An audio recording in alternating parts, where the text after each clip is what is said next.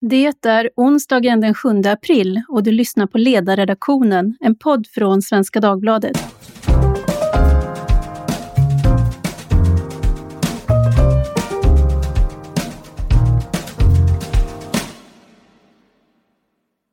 Jag heter Tove Livendal och idag är det fyra år sedan Rakhmat Akilov körde ihjäl och skadade människor längs Drottninggatan i Stockholm och också samtidigt skadade en hel nation eftersom dådet hade terrormotiv. Idag skriver jag med anledning av det, men också den nyligen presenterade årsboken från Säkerhetspolisen som presenterades för en kort tid sedan. I inledningen till den skriver säkerhetspolischef Claes Friberg så här. Ansträngningarna och viljan som krävs för att hålla Sverige säkert är inte tillräckliga. Det här är ingenting som kan vänta. Hoten är reella och de finns här och nu. Fler måste göra mer och tänka steget längre." Slutcitat. Ja, signalen är tydlig, men frågorna som väcks är ju då, vad betyder inte tillräckligt? Vad är det som inte kan vänta? Och vem är det som måste göra vad? För att resonera kring det har jag bjudit in Magnus Ranstorp som är docent och universitetslektor vid Försvarshögskolan i Stockholm och expert på terrorism. Han är även specialrådgivare till EU Radicalization Awareness Network. Välkommen Magnus! Tack! Eh, med mig har jag också Fredrik Kärrholm som är polis, för närvarande verksam i Rinkeby, också kriminolog och författare till böckerna Polishandboken och Gangstervåld, den nya brottsligheten. Den senare utkom i fjol. Välkommen Fredrik! Tack så mycket! Jag skulle vilja att vi börjar med att backa tillbaka till den 7 april 2017. Det är ju faktiskt bara fyra år sedan. Vad är det som har stannat kvar i minnet från den dagen och det som följde? Magnus, ska du börja?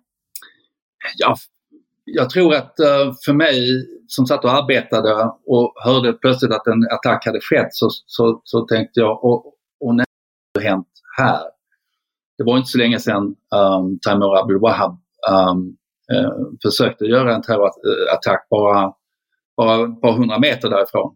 Ehm, men det jag tänker på är egentligen man kan verkligen med övervakningskamerorna föreställa sig hur det var på Drottninggatan som många av oss har varit på och en lastbil kör ner i full fart och mejar ner folk. Um, jag tänker på ehm, eh, um, uh, 11-åriga Ebba som dog och även andra. Men också blomsterhavet som kom på polisen och så vidare. Polisen hade varit under ganska hård, hård kritik vid det innan det ögonblicket. Men helt plötsligt så hade vi den här fina sammanhållningen. Mm. Fredrik, vad har stannat kvar i ditt minne? Det är en påminnelse, och, och både för mig och, och, tror jag en ögonöppnare för många i allmänheten att när det kommer till den här typen av terrordåd så de som är först på plats från polisen, det är alltid vanliga poliser, vanliga uniformerade poliser. Det är inte nationella insatsstyrkan eller nationella bombskyddet eller någon regional insatsstyrka utan eh, det är helt vanliga poliser och det är viktigt att komma ihåg det och det är ytterligare ett skäl till att det är betydelsefullt att ha en hög polisnärvaro i samhället men också att poliser är tränade för att hantera den här typen av extremsituationer.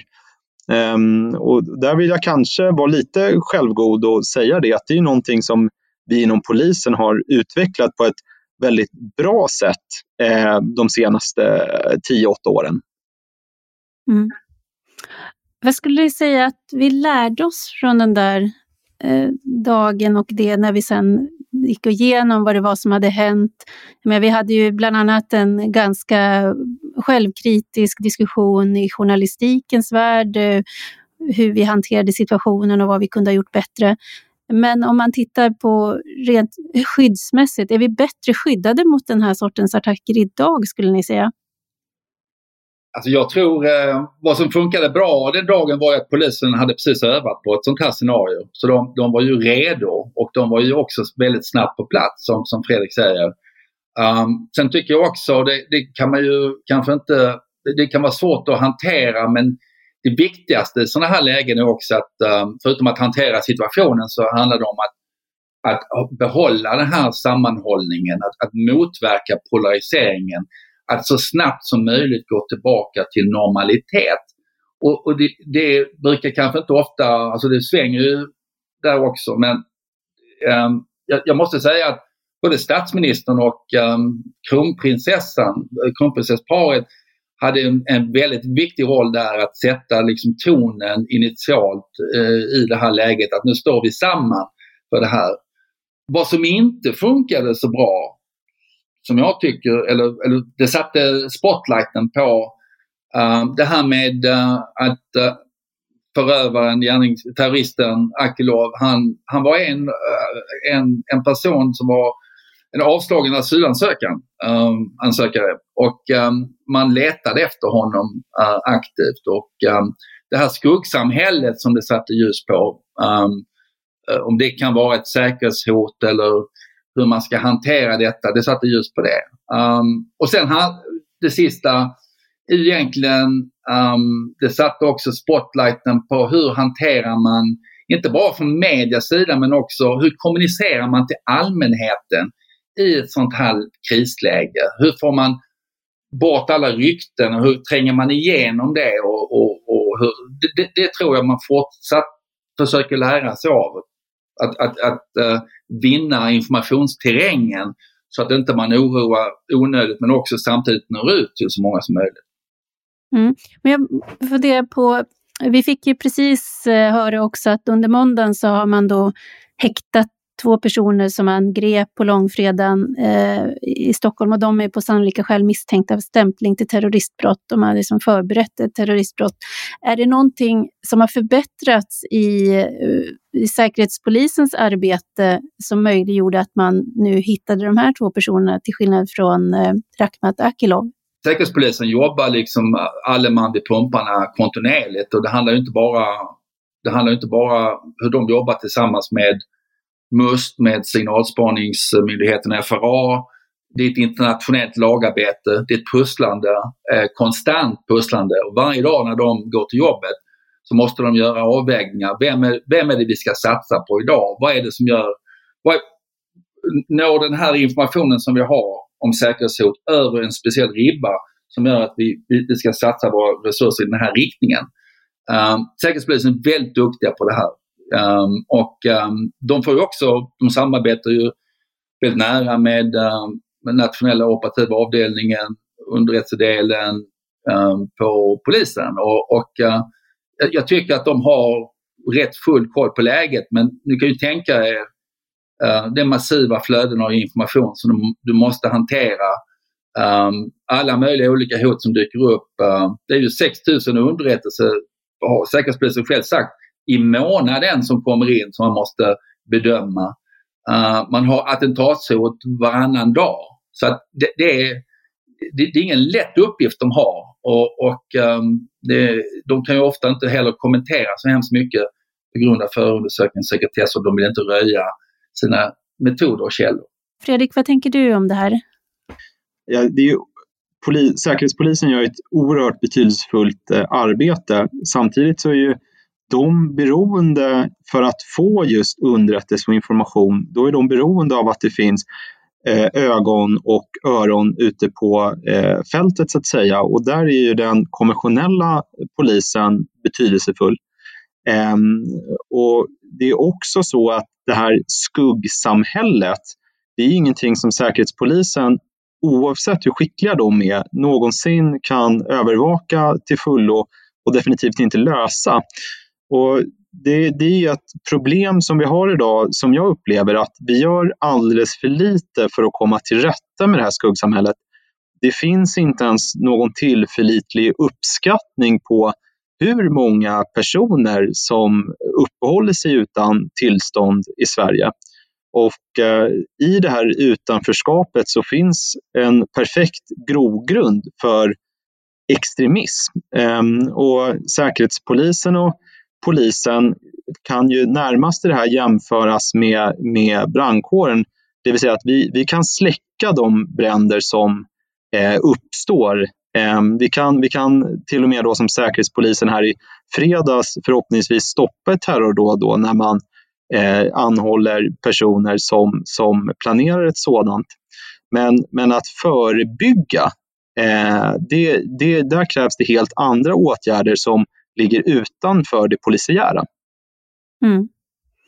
Och jag såg också idag, skriver också Jonas Trolle som är chef eh, för Center mot våldsbejakande extremism om att eh, i Aftonbladet på debattsidan där om att man ska utvisa utländska medborgare som utgör en risk och det var ju Akilov var exempel på det men där skriver ju Säpo i sin årsbok att det är, ja, vad är det någonstans, eh, det är åtminstone över hundra individer där det föreligger verkställighetshinder så det går inte att, att ja, genomföra och, de här utvisningarna. Och det är inte bara verkställighetshinder utan eh, i polisen, vi påträffar dagligen personer som eh, borde förvarstas då för att de, de saknar rätt att uppehålla sig eh, i samhället. Men det finns inga förvarsplatser. Det är en eh, konstant brist. Ehm, och, och, konsekvensen då i praktiken blir att personen får helt enkelt eh, fortsätta vistas i, i samhället och åläggs eh, en, en plikt då att gå till närmaste polisstation och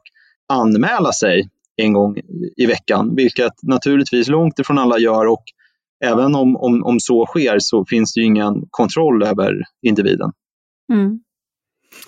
Eh, vi ska komma in på den här eh, lite närmare Säpos årsbok. Då. Det är en dyster läsning. Eh, som ju hörde sammanfattningen där i början. Men, eh, och det är ju liksom på alla ledder och bredder. Vi är ett attraktivt land för främmande makt och vi ser angrepp på regimkritiker i Sverige, bland annat det här mordförsöket i Gävle som var uppe under året. Eh, Eh, Man tittar på digitaliseringen och säger att det här kan förväntas accelerera vår sårbarhet på olika sätt, att det finns eh, brister i olika verksamheters säkerhetsskydd.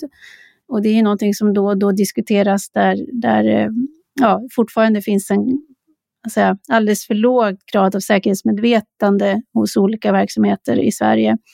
Och att attentatshotet då, efter att kanske har gått ner lite grann, så under 2020 så har det liksom gått upp igen så att vi ligger kvar på samma eh, förhöjda hotnivå.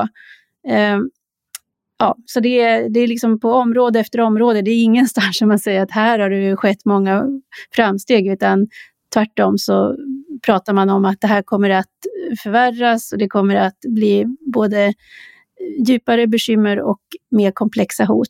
Och jag tänker när ni läser rapporten så antar jag att det inte förvånar er någonting av det som står där eftersom ni jobbar med det här dagligen på olika sätt och kommer i kontakt med den här verkligheten. Men om ni skulle peka på någonting som ni kanske tycker är särskilt allvarligt, vad skulle det vara? Fredrik? det är väl kanske just medvetenheten. I, I, stor utsträckning så finns väl ofta formella eh, rutiner eh, och riktlinjer men, men att eh, i alla delar av samhället så behöver ju myndighetspersoner, lärare etc. vara uppmärksamma på, på, på riskbeteende och eh, både informera och eh, hantera olika saker. Eh, jag tror att, jag tror att i, idag så missar vi mycket eh, och det gäller såväl religiös extremism som, som politisk extremism. Jag tror att, och det är väl precis det som, som säkerhetspolischefen efterlyser också, att vi, vi kan göra mycket mer. Och, och då kanske det inte i första hand fler styrdokument vi behöver utan ansvarstagande från den enskilda. Sen, sen behövs det ju såklart också förutsättningar för att, eh, det, som jag nämnde tidigare, då, det spelar ingen roll hur uppmärksamma vi i polisen är och, och, och, och försöka finna personer som inte har rätt att uppehålla sig här om det inte finns förvarsplatser. Och på motsvarande sätt måste ju alla också ha så att säga, möjligheten att agera. Men, men jag tycker också det kan, kan påpekas att bilden är inte helt nattsvart för Säkerhetspolisen de, de framhåller faktiskt att det islamistiska våldsbejakande hotet har avtagit något. Um, och, det, och, det, är ju faktiskt po positivt och jag tror det, det, är väl också delvis tack vare ett, ett gott arbete från säk Säkerhetspolisen med, med flera. Men, men, samtidigt så har vi nu levt då sedan 2010 med en terrorhotnivå som är på nivå 3 av 5, vilket innebär ett förhöjt terrorhot. Och det är ju inte rimligt att vi ska nöja oss med att i, i ytterligare ett eller två eller ännu längre decennier eh, leva med den här typen av förhöjd hotbild. Så jag tycker att egentligen är det väl ganska självklart det Claes Friberg säger att det måste göras mer. Mm. Magnus, vad tänkte du när du läste rapporten? Är det något särskilt som du tycker ja, framstår som mer allvarligt än något annat? Nej, det är väl, det är väl kanske det är just den breddade och mer komplexa hotbilden och det är precis som Fredrik säger, det handlar om medvetenheten. Att uh, du vill ha en palett av olika hot och uh, vi är många medvetna, framförallt uh, om vi jobbar i uh, säkerhetskänslig verksamhet, om, om vad vi står inför. men jag tror, jag, jag, tror problemet är väl också att Säkerhetspolisen och polisen kan ju inte bara arbeta mot detta ensamma som isolerade öar utan det är ju andra lagspelare, andra myndigheter, politiker och andra som måste ta ett helhetsgrepp på de utmaningar vi står inför. Det kommer, det kommer vara jättesvårt att göra eh, eftersom det finns så många olika problem och man kan inte kanske göra allt på en gång. Det här måste vi prioritera. Men om, vad jag ser exempelvis på den våldsbejakande extremismen-delen så, um, så är det framförallt att um, den, alltså det ideologiska spektrumet har blivit, uh, har blivit uh, bredare, uh, diffusare. Organisationstillhörighet är kanske inte så lika viktigt längre. Du har um, högerextremister eller radikalnationalister som, som har tentakler ut till andra grupperingar både enskilda individer men också grupper uh, runt omkring i världen. Så de följer noga vad som händer i Kapitolium. De, för, de har kopplingar till alla olika grupperingar um, i Europa men också har vi som jäckar i bakgrunden rollen av Ryssland i det här. Um, det finns en, en roll som de spelar i att försöka söndra och splittra. Um, att få den här helhetsbilden och inte bara liksom, den uppstyckade kakan att se hela spelplanen och hur det hänger ihop, det tror jag är en utmaning för många att se. Så därför är de här årsböckerna väldigt bra som ger liksom en, en ganska bred bild av vad gör Säkerhetspolisen? Det är yttersta garant för att skydda demokratin. Mm. Det var inget som överraskade men det handlar om att medvetandegöra och att, att um, eh, och där tycker jag Säkerhetspolisen över, jag menar, de har tidigare kanske varit mer defensiva, men de har blivit mer skickliga och offensiva till att beskriva. Och de är också väldigt öppna. Jag kan säga uh, de är en av de mer öppnare säkerhetstjänsterna uh, i, i, Europa idag. Väldigt öppen med uh, att kommunicera ut detta på ett väldigt förståeligt men också på ett ja, högupplöst sätt. Mm. Eh, men jag behöver ställa då en slags djävulens advokatfråga för att eh, alltså, skulle man då det finns ju de som då så fort vi skriver om, om elände och hot säger att ja, men det här, nu, nu skräms ni och, och sådär. Och, eh, och så finns det andra som sitter och säger ni mörkar, så att det är från båda håll. Men, men det finns ju också det här med att myndigheter vill såklart alltid tala för sin sak och sin uppgift och varför de behövs. Finns det någon eh, risk att, att hotbilden överdrivs när vi talar om de här sakerna eftersom vi rör oss med osäkerheter och eh, saker som ännu, ja en del saker är ju bekräftat att det pågår men, men eh, vi diskuterar också saker som ännu inte har inträffat utan som skulle kunna bli fallet. Finns det en risk då att man att vi tar i för hårt? Jag, jag ser inte den risken utan jag tror snarare det är så att, eh, och det här bottnar i en, en svensk myndighetskultur, att man tenderar att vara väldigt försiktig och, och eh, återhållsam. Och Magnus säger ju det att, att, att Säkerhetspolisen är väldigt öppna och transparenta och det stämmer ju helt klart. Samtidigt så måste man nog vara lite expert på eh, byråkratiska för att till fullo tillgodogöra sig de här uh, resonemangen. Ehm, en, en, en parallell då med vad det gäller den här försiktigheten kan ju göras när, när tiggeriet var ett, uppstod som ett nytt problem i Sverige för, för lite drygt tio år sedan och eh, Polismyndigheten nationellt gav, skrev en, en rapport om det här och man använde inte ens begreppet tiggeri utan då hette det EU-migranter.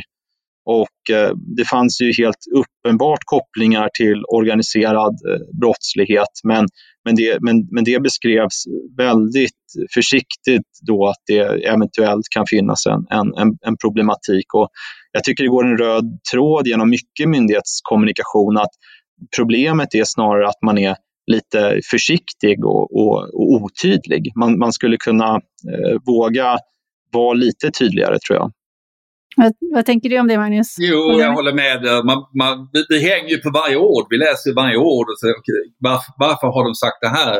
Hur ofta säger de frågeställningar? Exempelvis sa de finansiering eh, vid tre tillfällen i rapporten, eh, framförallt till, till, olika, eh, till olika extremistgrupper, hur de finansierar sig, vikten att, att bemöta detta. Nej men det är sant, eh, de, de, de, är, de är konservativa, de, och ibland då så översätts inte detta till kanske politiska prioriteringar. Um, det kan ju vara ett, ett problem. Um, mm. jag håller med. Jag håller med. Mm. Så om vi går till vad som behöver göras då och om vi gör rätt saker. Säpo tar ju upp då dels under året att det har inrättats ett nytt Eh, nationellt bombdatacenter vid Polismyndigheten och att regeringen i december fattade beslut om att inrätta ett nationellt center för cybersäkerhet. Eh, man ska också se över den här nationella säkerhetsstrategin eh, senare i år därför att den ska uppdateras var femte år och den skrevs 2017. Men tycker ni, gör vi kloka prioriteringar? Ja, jag, jag tycker det. det är definitivt med ett nationellt center för cybersäkerhet uh, i, i, dagens digitala värld. Sen um, är det också en annan fråga som Säkerhetspolisen har väckt och det är ju ett kunskapscentrum uh, mot organiserad brottslighet och, och, och, finansiering av extremism. Just det. För, för vad vi saknar idag egentligen är, är att vi har ju liksom glapp kommuner har inte kompetens till att kunna liksom göra due diligence på, på dem de ger finansiering till, ingen, ingen ordentlig uppföljning. Uh, du har myndigheter som pytsar ut väldigt mycket pengar till olika uh, delar i civilsamhället och så vidare. Men, det, men, men det, där behöver de också någon typ av, av myndighet um, som de har exempelvis i, i, i Göteborg, har de ett kunskapscentrum mot organiserad brottslighet. Där myndigheter sitter gemensamt och, och titta på frågor som berör eh, stöd till civilsamhället men också till, mot särskilda insatser som görs. Just för du har ju arbetat mycket med den här frågan om eh, bland annat stöd då till via studieförbunden som har kommit helt fel, får man säga. Och eh, Säpo har ju då tillsammans med andra myndigheter sett till att fem utbildningsverksamheter har fått stänga ner och det är sådana som då har stått under inflytande av tongivande personer inom den våldsbejakande islamistiska miljön. Mm. Så att när man tittar på de här sakerna och också tittar på hur, hur alltså finansieringsmodellerna ser ut för studieförbunden så eh, är det uppenbart att vi har varit naiva. Men frågan är hur naiva vi har varit. Hur, hur ser det ut, Magnus? Kan du ge en beskrivning av det? Alltså, vi, vi har ju granskat detta på grund av att vi tittar på finansiering till olika, till olika extremistmiljöer. Så det var inte bara Folkbildningsrådet och studieförbunden som vi var fokuserade på. Och um, vi började granska det här och um, uh, vi, vi fokuserade först på Ibn Rushd um, för det fanns en demokratiaspekt uh, i, i detta också. Det, var, det, handlade inte så mycket kanske om Ibn Rushd själva men det handlade om föreningarna under som fick uh, pengar. Och det finns ju ett demokratikrav och ett demokrativillkor och upplevdes det, alltså levde man upp till de kraven som riksdagen ställde i fördelningen av detta. Och sen när vi tittar på det här så insåg vi att det här är inte bara ett problem för ett studieförbund, det är för alla studieförbunden. Och då upptäckte vi um, att uh, här var det mycket ehm, som, som kan förbättras. Vi skrev ju en väldigt omdebatterad eh, DN-debatt eh, där eh, vi hade ju insiders som vände sig till oss och, och berättade hur, hur det låg till och hur uppläggen låg till och den här volymjakten som, som på, pågick. Eh, Uh, vilket innebär då att uh, det blev som ett, uh, som vi beskrev i artikeln, ett parallellt socialkontor där alla hade ett bankomatkort och, och, som kunde sticka in med gemensam pinkod eh, som fördelade pengar ut. och det ska ju inte vara så. Det enda vi begärde i att lyfta de här frågorna var en extern granskning av Folkbildningsrådet som framförallt tittar inte bara på Folkbildningsrådet men på studieförbunden och tittar och gå igenom um, det som har varit. För det, har, det är ju skandaler som rullas upp uh, år efter år. Vi blir ju, verkar ju inte bli klokare och klokare. um, av det. Men sen är det ju också andra um, myndigheter som, och kommuner som pytsar ut mycket pengar till verksamhet. Och, och där är ju liksom den, den enkla frågan, Finns det någon uppföljning på vad får vi för pengarna? Vem går det till? Eh, kan vi säkerställa att det går till demokratisk verksamhet?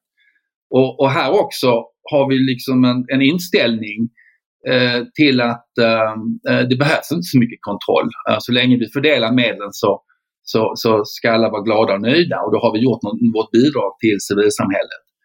Man får ju fundera också på om, om stora delar av ett civilsamhälle ska ha statsbidrag överhuvudtaget. Alltså det är grundbulten.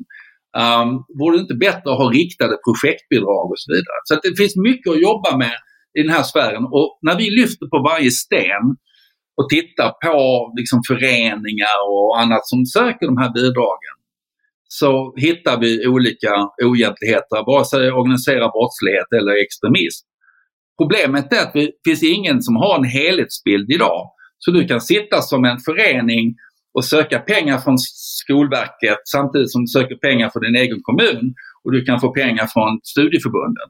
Det är ingen som har helhetsbilden. Och det är kanske någonting som är eh, ja, problemet i den, i den svenska modellen. Mm. Ja, precis. Den är, inte, den är inte gjord för att folk ska försöka blåsa den. Nej, och det som, det som, kan, kan jag bara tillägga en, en, sak eh, till? Vi ser ju det här också uh, i kombination med välfärdsbedrägerierna. Det är ju omfattande och de går in i varandra de här föreningsbidragen och så vidare. Så det här måste man ta ett helhetsgrepp. Eh, det har också myndigheter, det finns en rapport om myndighetsgemensam samverkan mot organiserad brottslighet. Där står alla lösningar. 12 myndigheter har gått samman och beskriver moduset till hur det här går till och vilka lösningar man vill se. Det är bara för politikerna att, att titta på det och börja implementera um, de här olika åtgärderna. Förlåt att jag avbröt dig Fredrik. Nej, men jag, jag, håller helt med. Och det som du säger, lösningarna finns på bordet. Det handlar om en politisk vilja att implementera det. Och det finns mycket kunskap och jag ska inte argumentera emot dig nu Magnus att det inte behövs ett, ett ytterligare kunskapscenter. Men, men, men det finns en, en generell tendens att vi hela tiden skapar centrala enheter eh, och har en utökad managementbyråkrati på bekostnad av att vi har utförare. Och det här vet jag att eh, Patrik Hall som är professor i statsvetenskap vid Malmö universitet har skrivit en hel del om. Och, och det här är inte bara ett problem som är isolerat till terrorbekämpning eller, eller polisverksamhet utan det finns generellt i den offentliga sektorn. Eh, för att komma till rätta med alla de här problemen vi talar om, från terrorhot och, och, och skuggsamhälle, så, så behöver vi oundvikligen eh, fler eh, utförare. Och, och det där tror jag ibland tappas bort lite, att man fokuserar för mycket på eh, strategi eh, och, och, mindre på vilka ska effektuera det här.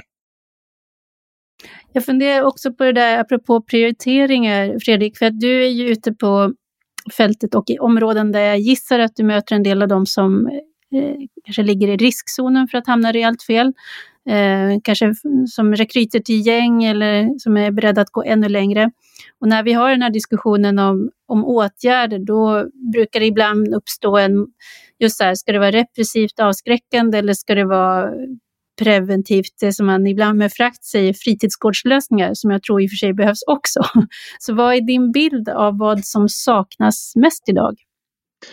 Jag, jag, jag, tror inte det går att peka på en sådan sak som, som saknas, men, men en käpphäst jag har det är ju att när det kommer till eh, lite äldre personer då är möjligheterna till någon form av rehabilitering ganska små. Så när vi har den här typen av fullvuxna, väldigt farliga individer oavsett om det handlar om gängkriminella eller, eller eh, personer som är, eh, är, är religiösa extremister och, och benägna att ta till våld så är inkapacitering det jag förordar. Och förebyggande insatser måste riktas in i betydligt lägre åldrar. Och det här återknyter till det jag sa tidigare, att, att polisen kan främst släcka bränder som har uppstått. Men, men sen handlar det om att förebygga att de här bränderna uppstår. Och, Och då, och då krävs det helt andra åtgärder.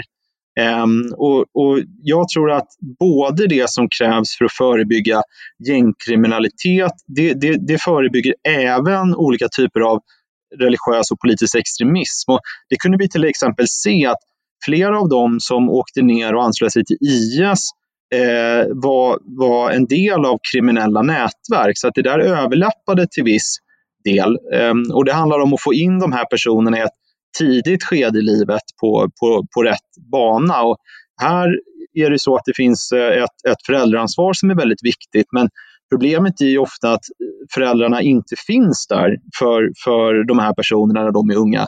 Och då är det så att det är i skolan man oundvikligen tillbringar en stor del av sin, sin tid och man får nära relation till lärare. Så att jag tror skolan är en oerhört viktig nyckel för att komma till rätta med, med mycket av de problemen vi har i samhället idag. Mm. Allting börjar med en bra lärare som jag tror något av lärarfacken hade som slogan. Ja, precis så är det. Mm. Om vi går tillbaka till Rakhmat Akilov då. I Säpos årsbok beskrivs att det är flera steg som formar en ensamagerande terrorist. Eh, jag citerar, känsla av ensamhet och isolering kan leda till att personer lockas till extremistmiljöer och de hittar lätt inspiration på internet. Slutcitat. Ja, Akilov skulle ju för det första inte ha varit här och det är en del av den migrationspolitik som har misslyckats. Men jag tänker på just hos individen vad, vad det är det går fel och om det går att avprogrammera någon som har börjat umgås med tanken på terroristbrott. Vad säger du Magnus? Ja, det är en väldigt svår fråga att svara på och generalisera och så vidare. Men alltså problemet, problemet eh, först och främst var ju inte Akilov ensam. Jag vill bara säga det. Han, mm. Faktiskt när han körde lastbilen Eh, så satt han med uh, och pratade med uh, de som ja, var hans hanterare nere i Syrien hos IS. och så individer ser ju sig själva också kanske som en del av en ideologisk miljö. Och problemet mm. idag när de exempelvis är ensamma och um, söker på internet och så vidare så, så blir det ju en ekokammare. det blir självförstärkande eh, man börjar, alltså vad vi ser idag framförallt är ju att eh, eh, det finns en, en, en, fauna av konspirationsteorier. Qanon är ju en av, av dem. vi har ju 5G-konspirationsteorier. Vi har ju om teorier om det stora folkutbytet som högerextremister och Eh, pratar om. Um, och det handlar ju också då förutom det som Fredrik sa så handlar det om att uh, försöka bryta dels isoleringen men också, men också att um, individer får uh, kri kritisk, kritisk uh, tänkande. Uh, att kunna omvärdera de ganska, den ganska svartvita världsbild som de uh, anammar. Um, så, så att, eh, det beror helt, det är individbundet, det finns liksom ingen, ingen standardlösning. Um, uh, men uh, är du verkligen djupt inne i det här och varit under en längre tid, ja då, tar det, då, då, då, är det verkligen en stor utmaning att kunna vända utvecklingen. Jag pratade med en säkerhetstjänst uh, i Norden. hur lång tid ta det att avradikalisera någon som har varit djupt inne i det här? Och de, de sa att eh, det eh, kan vara upp till 7 till 10 år eh, att verkligen liksom vända. Ehm, så det är, det är, inte så lätt. Det viktigaste är ju att se till att de inte är våldsbenägna och att du har rätt ehm, program, riskbedömning. Ofta är det ju så om de är ens, helt, så att säga, om de är potentiellt en ensamagerande och så vidare så, så har ju de olika fallen visat att uh, de ofta avslöjar sig själva inför, inför familj och vänner och så vidare. Så där, där, där igen handlar det om, om uh, familjen och vännerna och vilka signaler som de, de ser och om det går att uh, gripa in. Um, men sen har vi ju ingen, vi har liksom ingen, vi har inget avradikaliseringsprogram i Sverige. Um, um, Borde vi ha det? Det? Jag är inte säker på det. Jag tror att eh, jag gjorde en studie om eh, hur olika kriminalvårdsinstanser hanterar den här frågan eh, i, eh, som en del av ett större projekt på Kings College. Och, eh, jag var ganska imponerad av framförallt hur den svenska kriminalvården satsar. De har forskare, De har, ehm, de har ett program som, som jobbar med så att säga, vanliga kriminogena faktorer. Självfallet på den här sista ideologiska biten um, så tror jag man behöver innovativ och liksom tänka till. Men du måste, alltså problemet är att om vi behandlar individen bara så finns ju den här individen i ett, i ett vidare ekosystem. Uh, så fort de kommer tillbaka till samma miljö kanske så blir det påtryckningar eller så lockas de in att uh, gå, gå in igen i det här. Så det här är en mm. lång process uh, och du måste ta ett helhetsgrepp på miljöerna, att eh, tränga tillbaka miljöerna. Eh, och det är det jag ser som där många länder som Sverige har misslyckats, är att man låter de här miljöerna växa så de blir för stora. De är också inbäddade i den här, den här, de här kriminella nätverken. Det är de som, vad ska vi säga, är de dominanta aktörerna um, i, i särskilt utsatta områden.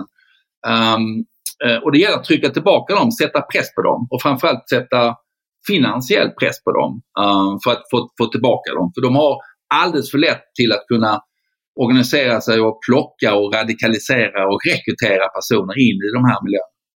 Mm. Alltså, om man tänker sig Säpos årsbok som någon slags karta då, så att leta efter lösningar, det, det är liksom på så många olika ställen. Och eh, Fredrik nämnde skolan som givetvis är viktig, men det är också försvars, säkerhetspolitik, arbetsmarknadspolitik, kriminalpolitik, migrationspolitik. Det är det här med offentliga stöd och mycket, mycket mer.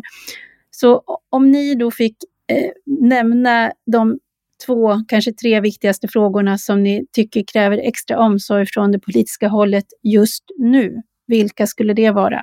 Om jag, om jag fokuserar på, på de inhemska hoten, då, för, för Säkerhetspolisen berör ju både så att säga, utländska hot och, och, och det inhemska. Mm. Så när det gäller inhemska, då, då handlar det om att se till att minska det här skuggsamhället. Alltså, det fanns tidigare ett, ett mål som Ygeman uttalade om hur många som skulle utvisas och, och mig vetligen så är det långt ifrån uppfyllt och det målet behöver förmodligen skruvas upp. Samtidigt med det så måste, tror jag, det ske mer kontroll över vilka som kommer in i riket och beviljas asyl eh, och förebygga då att, att, att det kommer in säkerhetshot. Samtidigt då, och det låter kanske lite klyschigt, men men genom skola och framförallt när människor är unga som växer upp i Sverige så måste man skapa motståndskraftiga individer. Eh, jag är ganska sval inför idén att efter att människor har genomgått sina formativa år i livet, att man i vuxen ålder ska på något sätt omprogrammera personer. Jag förhåller mig ganska skeptisk till det och där är väl Eh, ett, ett exempel då som har, man har gjort alla möjliga insatser från kriminalvården utifrån bästa forskning och eh, trots allt det så, så, eh, beställer han tårta då till årsdagen av det här fruktansvärda terrordådet. Mm. Magnus, dina viktigaste frågor? Ja, um, eh, för det första så tror jag att man måste tackla uh, finansieringsbitarna um, och, och, det måste man göra myndighetsgemensamt. Man måste ta det här eh, helhetsgreppet eh, på välfärdsbedrägerierna, det offentliga stödet, ehm, den utländska finansieringen som kommer in till Sverige och hur påverkar det olika inriktningar? Vi pratar ofta om kinesisk påverkan, rysk påverkan, vi pratar aldrig om påverkan från Gulfstater. Så hela finansieringsbiten, tacklar du det så, så, så gör du det mycket svårare för de här aktörerna. Och där har det varit alldeles för öppet, fortfarande för öppet i relation till individer som, eh, jag, menar, tittar bara på Eh, nyhetsbyrån Siren som granskade 550 personer som var kopplade till radikal islamism. Då fann man att eh, myndigheter hade gjort affärer till ett värde av 1,2 miljarder kronor med 49 bolag, ekonomiska föreningar och stiftelser där de här utpekade radikala islamisterna suttit i ledningen. Det är ett exempel på, så kan vi inte ha det. Um, vi måste tackla det. För det andra handlar det mer om, om kanske på lokal nivå att vi behöver, vi behöver eh, en Marshallplan för att eh, tackla utsatta eh, områden. Det är alldeles för mycket duttande i småprojekt och så vidare. Det kan vara bra. Um, framförallt tror jag bo, kommunala bostadsbolag har en viktig roll att, att, att kunna spela i detta men man måste ta ett helhetsgrepp som stad i, i, i det här. Och sen för det tredje tror jag det knyter an lite grann till vad Fredrik um, sa. Det handlar om att um, vi måste vi måste jobba demokratifrämjande och stärkande. Demokratin fyller 100 år i år i Sverige. Ehm, det är jättebra men vi måste värna om demokratin. Ehm, vi måste eh, sprida eh, för ungdomar ett eh, mer demokratiskt så att säga, tänkande i relation till, till hur, man, hur man upplever verkligheten. För några månader sedan var jag i, i eh, nordöstra Göteborg då sa en socialsekreterare till mig så här. Barn och ungdomar blir inkapslade, de blir inte marinerade i den demokratiska samhällsordningen. Och samtidigt flyttar islamister fram sina positioner med hjälp av skattemedel. Just den här demokrati, tillitsskapande, minska klyftorna, minska polariseringen. Här måste vi steppa upp uh, och um, tänka igenom hur kan vi göra det på ett bättre sätt så att ungdomar som, um, som känner sig marginaliserade, som känner sig utsatta och så vidare, att de blir snabbare en del av samhället. Och avslutningsvis skulle jag också bara vilja lägga till där att nu har vi pratat väldigt mycket om det islamistiska våldsbejakande hotet men Säkerhetspolisen bedömer ju även att terrorhotet från högerextrema har, har ökat. Så den här kampen mot terrorhotet behöver föras på flera fronter samtidigt. Men, men även när det gäller den här typen av politisk extremism som finns både till höger och vänster ska vi säga, så, så tror jag mycket av det Magnus och jag lyfter kan, kan appliceras på, på det, eh, liksom eh, islamismen. Mm. Jag får som en bild av en sån här eh, antik hydra med massa huvuden som måste både huggas av och svedas och sen mitt bland detta också, där jag gillar uttrycket om att bygga motståndskraftiga individer. I, så det, det finns att göra. Jag tycker vi har, nu har ni skickat med rätt många uppgifter här till det här demokratifirande Sverige som har lite att jobba med. Stort tack Fredrik Kärrholm och Magnus Ranstorp för att ni ville medverka idag. Tack. Tack så mycket. Och tack till er som har lyssnat. Hör gärna av er till ledarsidan svd.se med kommentarer och frågor eller synpunkter på frågor vi ska ta upp framöver. Producent idag var Jesper Sandström. Tack för idag.